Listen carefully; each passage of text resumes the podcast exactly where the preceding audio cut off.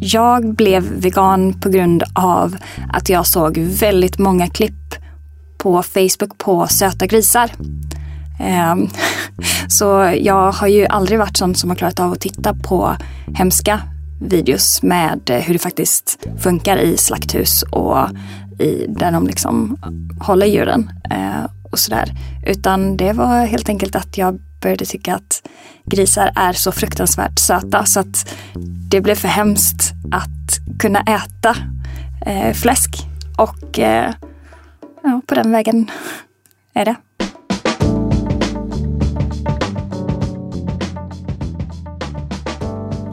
Välkommen till Slow Fashion, en podcast om hållbart mode. Jag heter Johanna Nilsson och jag skriver, föreläser och pratar om det här ämnet på massa olika sätt. Eh, och den här podden den handlar om just mode och hållbart mode på ja, förhoppningsvis ett eh, schysst och eh, enkelt sätt. Men självklart så ska vi alltid problematisera för modeindustrin är komplex. Idag ska vi prata om veganism och hållbart mode. Ett exempel på en väldigt komplex fråga. Och dagens gäst är Evelina Utterdal. Hej! Hallå! Berätta, vem är du?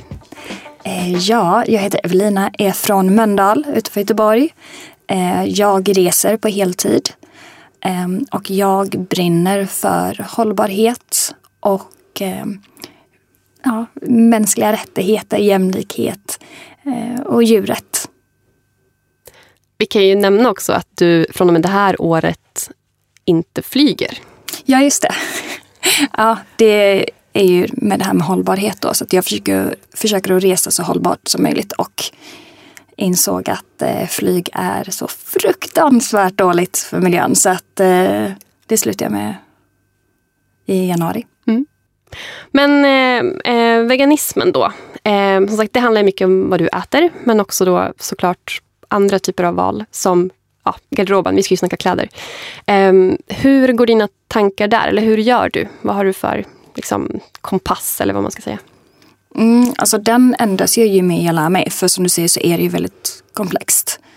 Um, så att i början var det ju mer sådär kanske att um, om man tänker vegansk läder um, kändes ju som en bra grej. Men sen så ju mer jag lär mig om plast, vilket uh, mycket av liksom, veganläder uh, är av, så har jag liksom lämnat det. Sen så shoppar ju inte jag så mycket längre så att eh, eh jag lär mig väldigt mycket om det här utan att faktiskt eh, shoppa. Men eh, i början så använde jag ju fortfarande läderprodukter som jag hade sen innan. Väskor och skor och skärp och sådär. Men eh, det gör jag inte längre. Det känns inte, det känns inte så bra att ha på sig läder. Men skulle du rent moraliskt kunna köpa det second hand till exempel?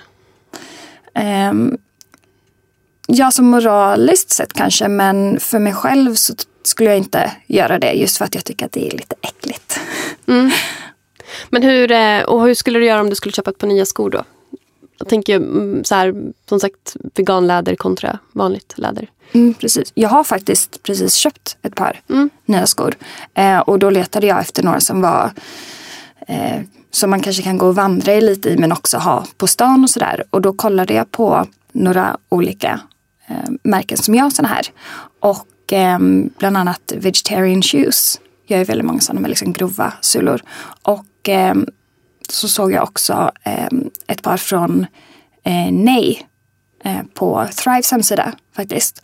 Och jag skickade faktiskt en fråga till dem ehm, varför de inte tar in vegetarian shoes om det fanns någon anledning. Och då svarade de faktiskt det att eh, deras undersulor är av plast men nej är gummi. Mm. Kan du berätta lite just plastgummi och ja, kring det? Ja, alltså allt med plast ger ju ifrån sig mikroplaster. Um, och det kommer ju in i liksom, um, ekosystemet. Och... Blir fiskmat typ? Ja, det, precis. Ju, det är ju inte så jävla bra. Nej, precis. För att det, det, alltså det innehåller ju massa gifter och sånt där eh, ofta. Som eh, liksom kan gå in i deras system och oavsett om man äter de djuren eller inte så kan ju det rubba även med deras hormoner och gör att det är svårt för dem att eh, reproducera. Och då blir det ju fel där att de kanske minskar i antal och det rubbar ju med hela eh, circle of life. Hela ekosystemet helt ja, enkelt. Precis. Men eh, för jag tänker, sen plast är ju, eller ja, alla typer av sådana material som polyester, akryl, elastan eh, eller som också plast i form av skor eller väskor, den typen av grejer. Eh, och mycket som marknadsförs som ja, men veganläder är ju plast och det är ju gjort på olja som inte är förnyelsebart. Eh, och ja, nu egentligen även återvunnen plast, alltså återvunnen polyester eller varianter på det, släpper ju också mikroplaster.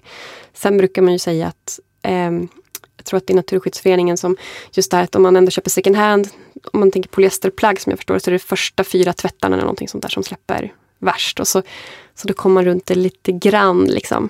Men mycket som marknadsförs är veganskt som att det skulle vara hållbart också. Alltså det är lätt att tänka det, att man plockar in djurrätt. Men det behöver ju inte betyda miljörätt eller mänskliga rättigheter.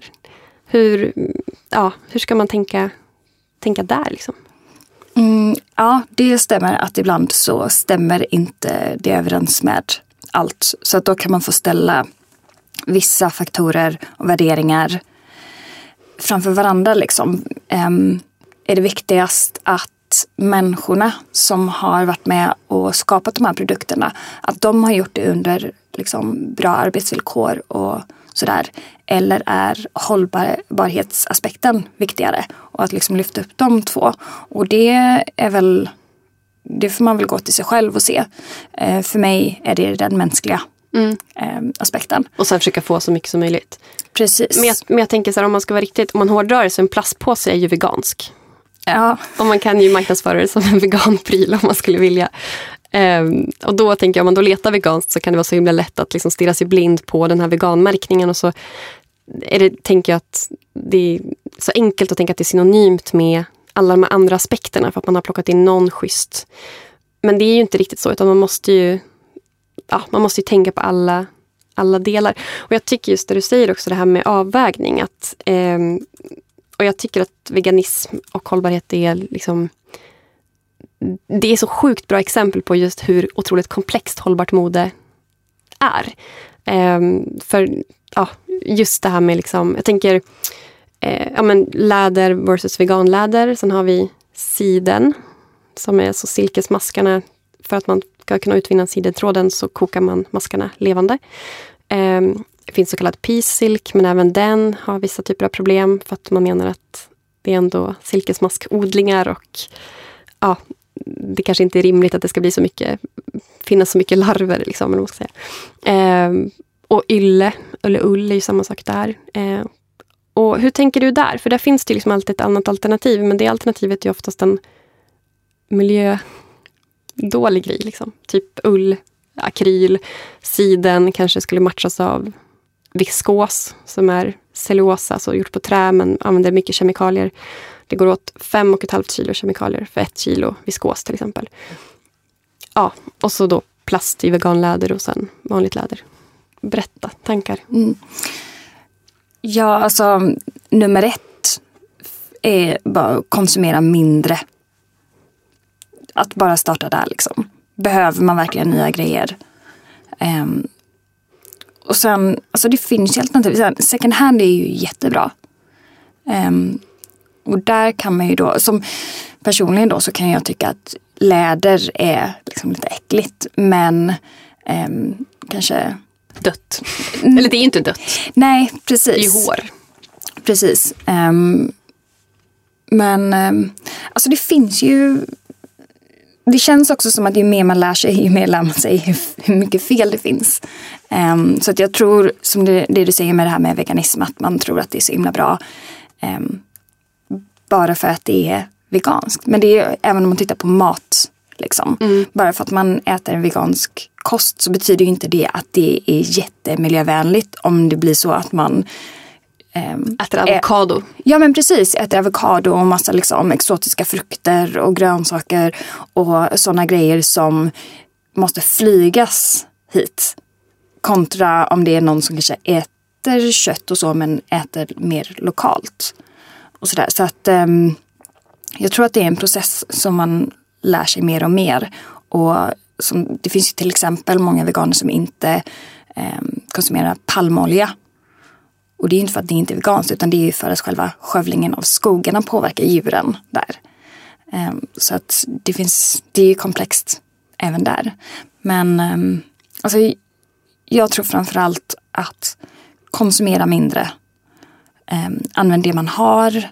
Second hand, byta med kompisar. För det finns så fruktansvärt mycket kläder och skor och så mm. redan.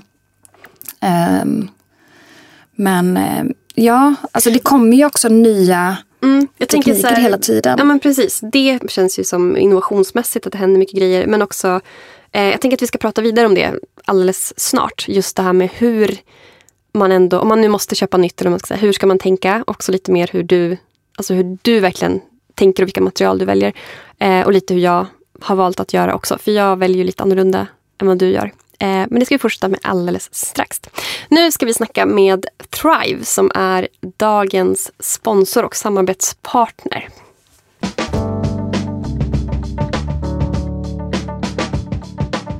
Hej! Nu har jag med mig Anna Fernemo som är marknadsansvarig på Thrive. Välkommen! Mm, tack! Tack så jättemycket. Berätta lite grann om Thrive. Du, vi kör ju det här på telefonlänk för du är ju i Göteborg. Mm. Precis, exakt.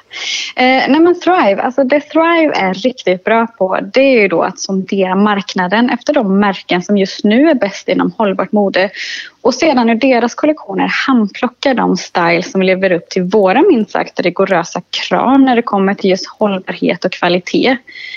Alltså, Thrives mål är att göra det så enkelt som möjligt för konsumenterna att handla kläder som är miljövänliga, ekologiska, rättvist producerade och veganska. Så att ni konsumenter också kan vara med och förändra modebranschen till det bättre. Så att kort och gott så jobbar vi med mode. Men som vi gärna säger så är det respektfullt mode utan kompromisser. Så ja, det är Thrive. Och jag tänker att ni gör urvalet för den förvirrade konsumenten. För jag har ju med mig Evelina idag eh, från Earth ja. Wanderers och vi snackar just den här djungeln mellan liksom veganskt, hållbart. Alltså att det är så många olika mm. aspekter. att, att eller Min uppfattning om er är att ni kan väldigt mycket saker och att ni hela tiden utvecklas. Att man kan Precis. lite typ gå och fråga er om man har det här. Bara, Hej, jag vill handla veganskt men jag tycker att mänskliga rättigheter är skitviktigt och jag tycker att det här med plast mm. är jättejobbigt. Vad ska mm. jag göra?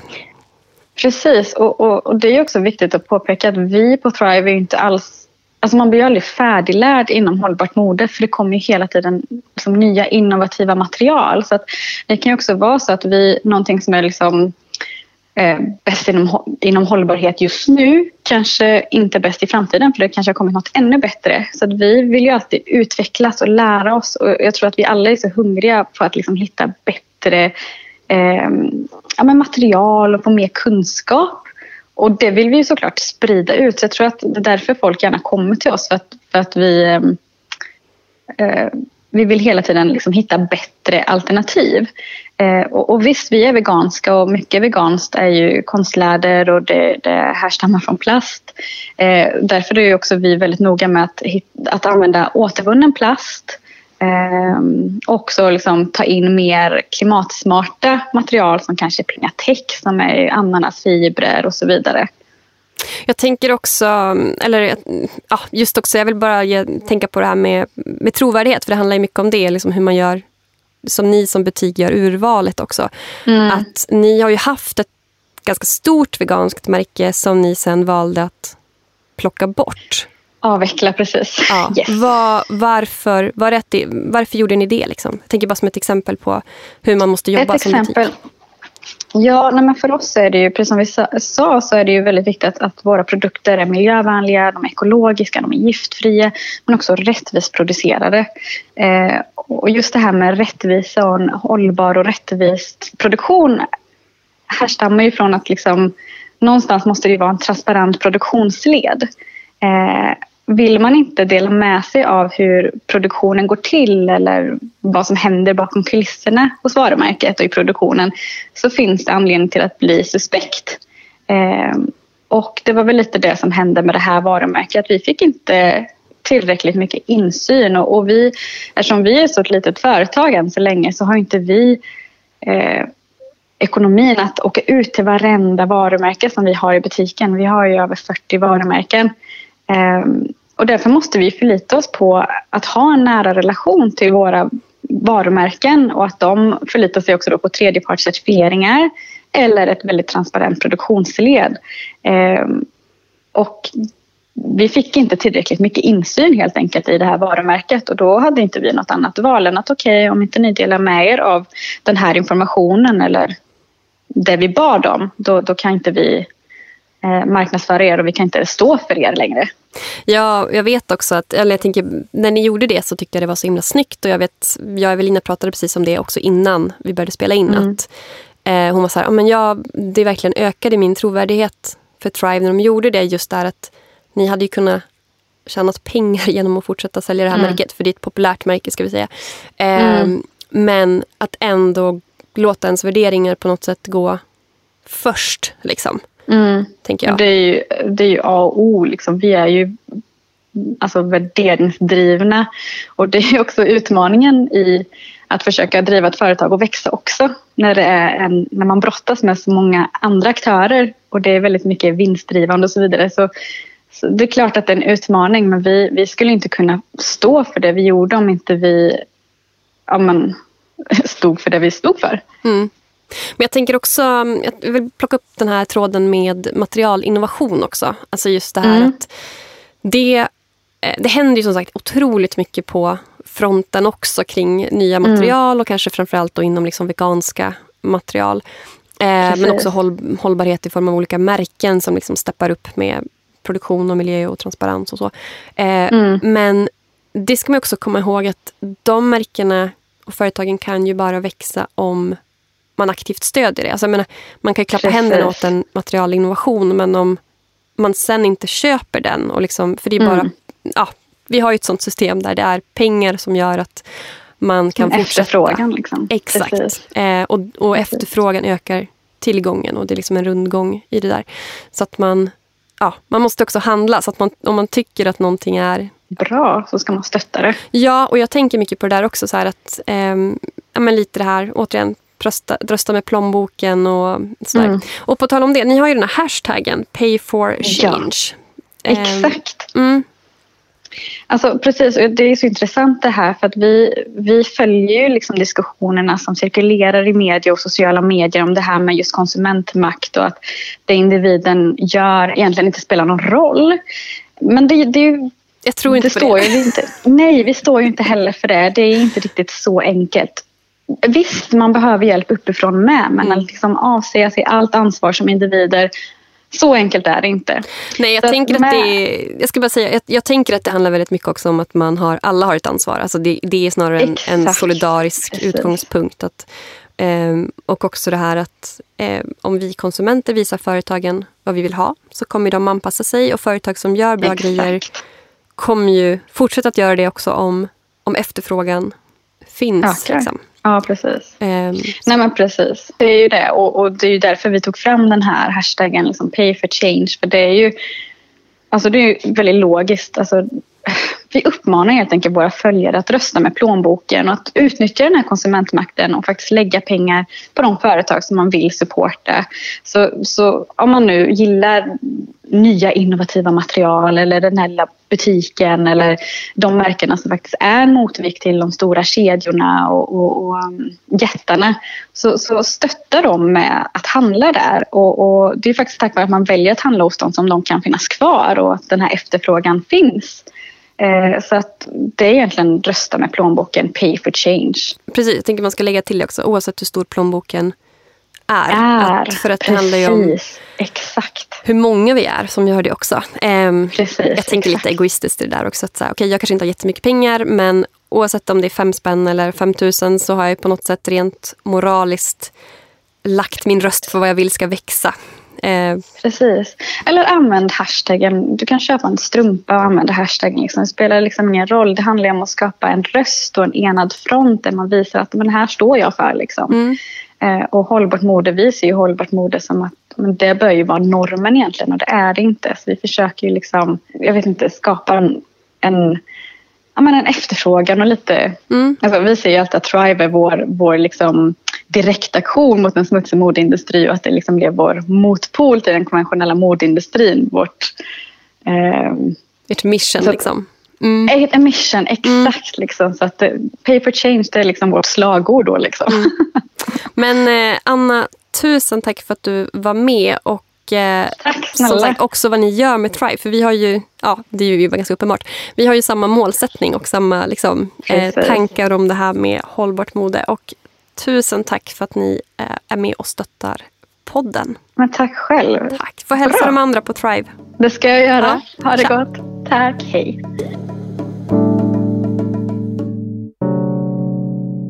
Så Evelina, då är vi tillbaka från att snackat med Anna. Du satt ju och lyssnade också. Ehm, hur, alltså hur tänker... Anna var också inne på det här med avvägningar och liksom att det är så mycket variabler att plocka in. Eh, men okej, rent konkret då. Hur väljer du? Du behöver en varm tröja. En varm tröja, då blir det nog... Antingen så kollar jag i min systers garderob. eller så eh, kanske kollar second hand. Du köper fleece. Nej. Nej, det... fleece köper jag faktiskt inte. Det är Ehm, liksom den typen av polyester som släpper allra, allra mest. För att den här, alltså polyesterflis ska vi säga. Det finns ju ullflis, men det går ju bort då. Bomullsflis kanske inte värmer lika mycket. Så ja, Ja, eh, det är en eh, svår fråga. Alltså jag tror att eh, majoriteten av mina kläder nog faktiskt är bomull. Mm. Ehm, men är du inte frusen? Jag kör ju lager på lager. Ah, är det det som är lösningen? De här luftspalterna är totalt vegansk Ja, emellan.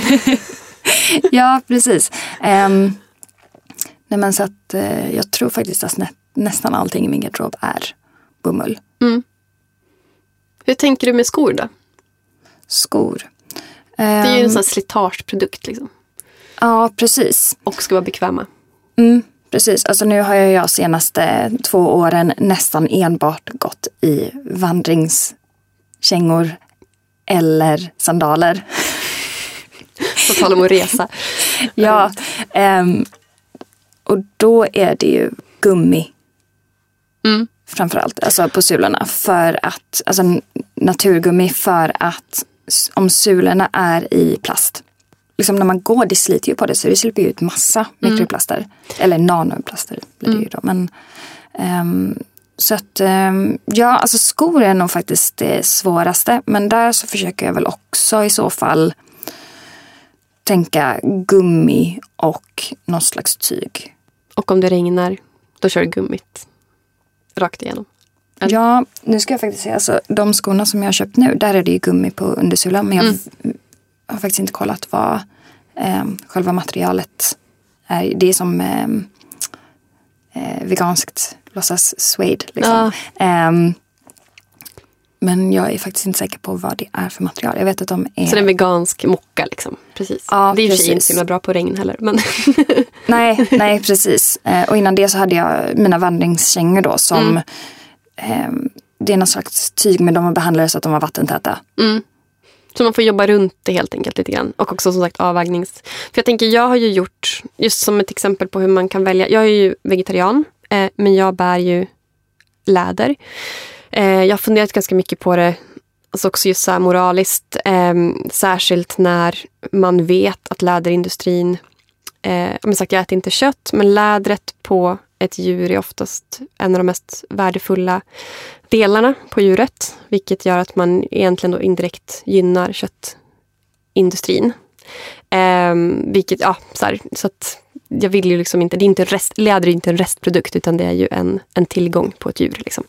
Eh, men jag har ju landat i just det här med versus plast då, att för mig är lädret, framförallt, alltså då köper jag vegetabiliskt garvat och, och jag har valt att göra det på skor eh, för att det är en sån slitageprodukt och att då tänka att jag köper så lite som möjligt, ska ta hand om dem, det är nästan min förbättrarpunkt. jag är inte så jättebra på det.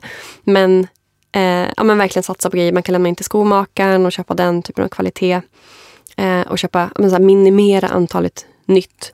För skor kan ju också vara så här, lite svårt att köpa på second hand när de är så här ingångna och någon har gått annorlunda än en själv. Och det blir dåligt för ryggen. typ. Eh, och sen har jag en läder läderryggsäck också. Som är från, ja, den är från Sandlund Hussein som har varit sponsor på ett av de andra avsnitten. Eh, och den är ju liksom schysst garvad och jag tänker att jag ska ha den i typ resten av livet. Liksom. Men, men typ den här liksom, läderlappen på jeans, det är ju jättepuckat till exempel. För det fyller ju ingen funktion. Ja. Ibland har man ju, jag tänker oftast är ju läder detaljer som bara ska vara snygga. Och jag har börjat tänka på det där. Liksom att bara, men varför ska det vara en lädergrej på den här dragkedjan? Alltså, jag bryr mig inte. Och det, det, är, så här, det är bara onödigt. Ja, alltså det är verkligen en sån grej som jag ibland kan bli matt av. När det är liksom väskor och så är det bara någon liten läderflärp på liksom mm. dragkedjorna. Det är så onödigt. Eller som på jeans då. Mm. Um, det är så onödigt. Um, och då tänker jag att det handlar mycket om konvention. Alltså det har alltid varit en sån där läderlapp på jeans. Men, men, så här, men varför? Vem har bestämt det? För att jag menar, som sagt, vi pratar om att så här, läder är ändå ett material som är eh, det håller länge över tid. Och det har också varit min, min avvägning just det här att men då köper jag ett par. Medan som jag kanske skulle köpa, förutom att det är plast, eller även då, det finns ju som Anna var inne på, det här med eh, ja, veganläder gjort på ananas till exempel och den typen av så. Men eh, jag har aldrig provat det själv men då är det många som säger att kanske det inte håller lika länge kvalitetsmässigt och då måste man köpa nytt oftare. Så det är väl just det där, liksom, vad är viktigast för en själv på något sätt. Mm. Sen så finns det också olika kvalitet på läderprodukter. Ja. ja. För det vet jag ju sen, eh, sen innan jag blev vegan. Liksom, mm. Att jag hade skor som eh, kanske inte var av bästa kvalitet. Så de höll ju inte så länge. Eh, så det är väl i så fall att om man eh, känner att man kan köpa det. Se till att skaffa bra mm. kvalitet och faktiskt ta hand om det. Jag vet att min mamma har ju skor som ser helt nya ut som är äldre än mig för att hon tar så väl hand om sina mm. skor. Nej, men precis, och jag tänker också det, så här, oavsett vart man står, att, eh, eller var man väl, var, vart man landar ska man säga. Så här, för att, oavsett om man är vegan eller inte så är det ändå det är fortfarande relevant att, att faktiskt tänka på att det är ett dött djur. Eh, att liksom så här, det ingår ändå i själva konceptet läder och det ska man ändå ha förståelse för. Liksom. Eh, så oavsett vart man landar och att man ändå på något sätt eh, ja, men som sagt då kanske väljer att så ja, men jag använder det här men jag behöver kanske inte köpa tio par skor eh, som jag sen inte kommer att använda eller att jag inte vet vart lädret kommer ifrån. Eh, ja, men I förra avsnittet så var ju eh, var Fair Action med eh, som organisation och berättade om en rapport de hade släppt kring, kring garvning. Eh, och det är ju lädergarvning, om det är liksom konventionell kromgarvning, är fruktansvärt smutsigt. Eh, och merparten av skorna, framförallt skor men också väskor och så, i våra butiker idag i Sverige är ju eh, kromgarvat. Och man kanske bara ja, kan börja där i alla fall, liksom, att inte välja det. Eh, och sen som sagt köpa eh, schyssta, för det finns ju olika kvaliteter. Tjockare läder ja, kommer ju hålla längre då än de här lite tunnare skräpvarianterna. Mm. Så. Ja, så att precis. djuret har dött, i alla fall inte helt i onödan. Eller vad ja. man ska säga. Ja, men sen är det väl också lite så här, alltså bara för att det alltid har man alltid har använt läder. För att ja, men det var det man hade för. Mm. Men nu kommer det så mycket tekniker så att det känns som att man liksom fokuserar mer på det. Bara nu senast liksom, eh, man håller ju på att få fram eh, tyg av eh, kelp. Alltså alger. Mm. Mm. Eh, lärde jag mig faktiskt nu i, i morse bara. Mm. Eh, läste om det. Och sen så alltså, hampa. Mm. Eh, är ju ett fantastiskt, för som jag förstår så behöver man ju inte alls lika mycket kemikalier. Nej, eller vatten. Och lin, lin är ju lite samma sak. Liksom, mm. att det är, precis. Eh, men och precis, och att det är mycket teknisk innovation kring att använda kanske mm, restprodukter. Alltså mm. Från matindustrin. Alltså man tänker skal eller alltså från frukt och grönt. Och, alltså den typen av, jag tänker det forskas så mycket på sådana grejer och vad man kan göra för typ av ersättnings material. Eh, så att jag tänker lite i den här diskussionen också att ofta när man pratar hållbart mode så finns det någon, eh, först att man ska leta ekologiskt, alltså någon sån här invand tanke om att eh, naturmaterial är det man ska gå på. Men jag tänker att som med allt, just den här komplexiteten, att det finns så många olika aspekter av det där. Att, ja, men, bomullsindustrin är ju extremt smutsig och dålig på väldigt många sätt. Eh, med vattenanvändning och kemikalier och mänskliga rättigheter ska vi inte snacka om. Liksom. Eh, så att, ja, då kanske det är bättre med någon så här grej som görs i ett labb, typ. Eh, så att, ja, det finns liksom inget enkelt svar i att så här, naturmaterial löser alla problem, för då kommer det massa andra saker med det också helt enkelt. Mm.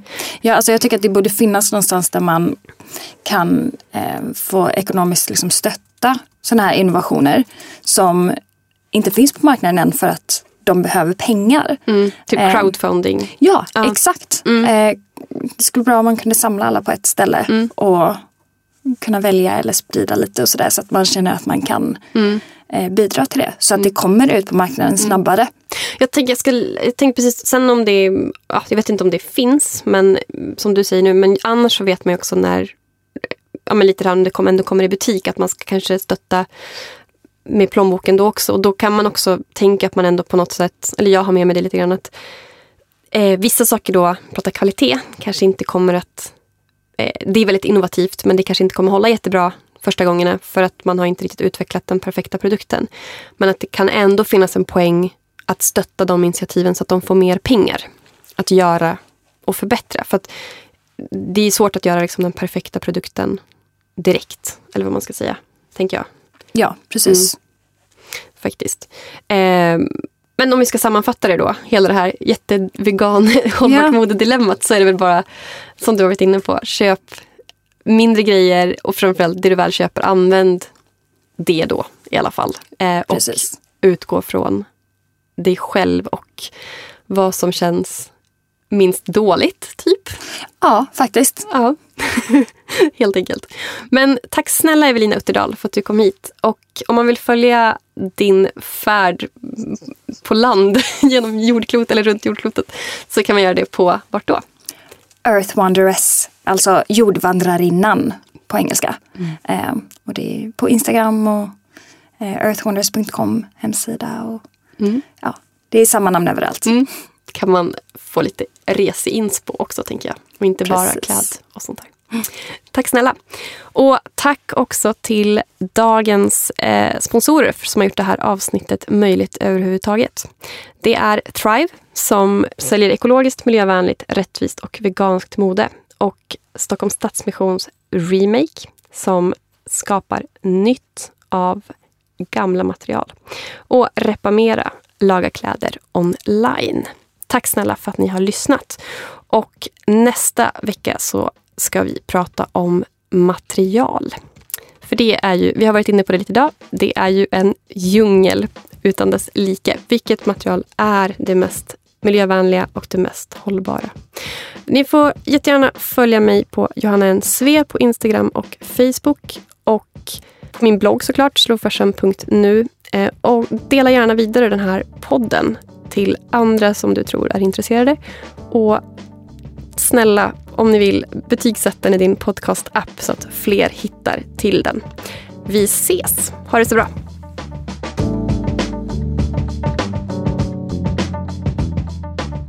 Det här programmet görs på Beppo. Beppo. Beppo. Beppo. Beppo.se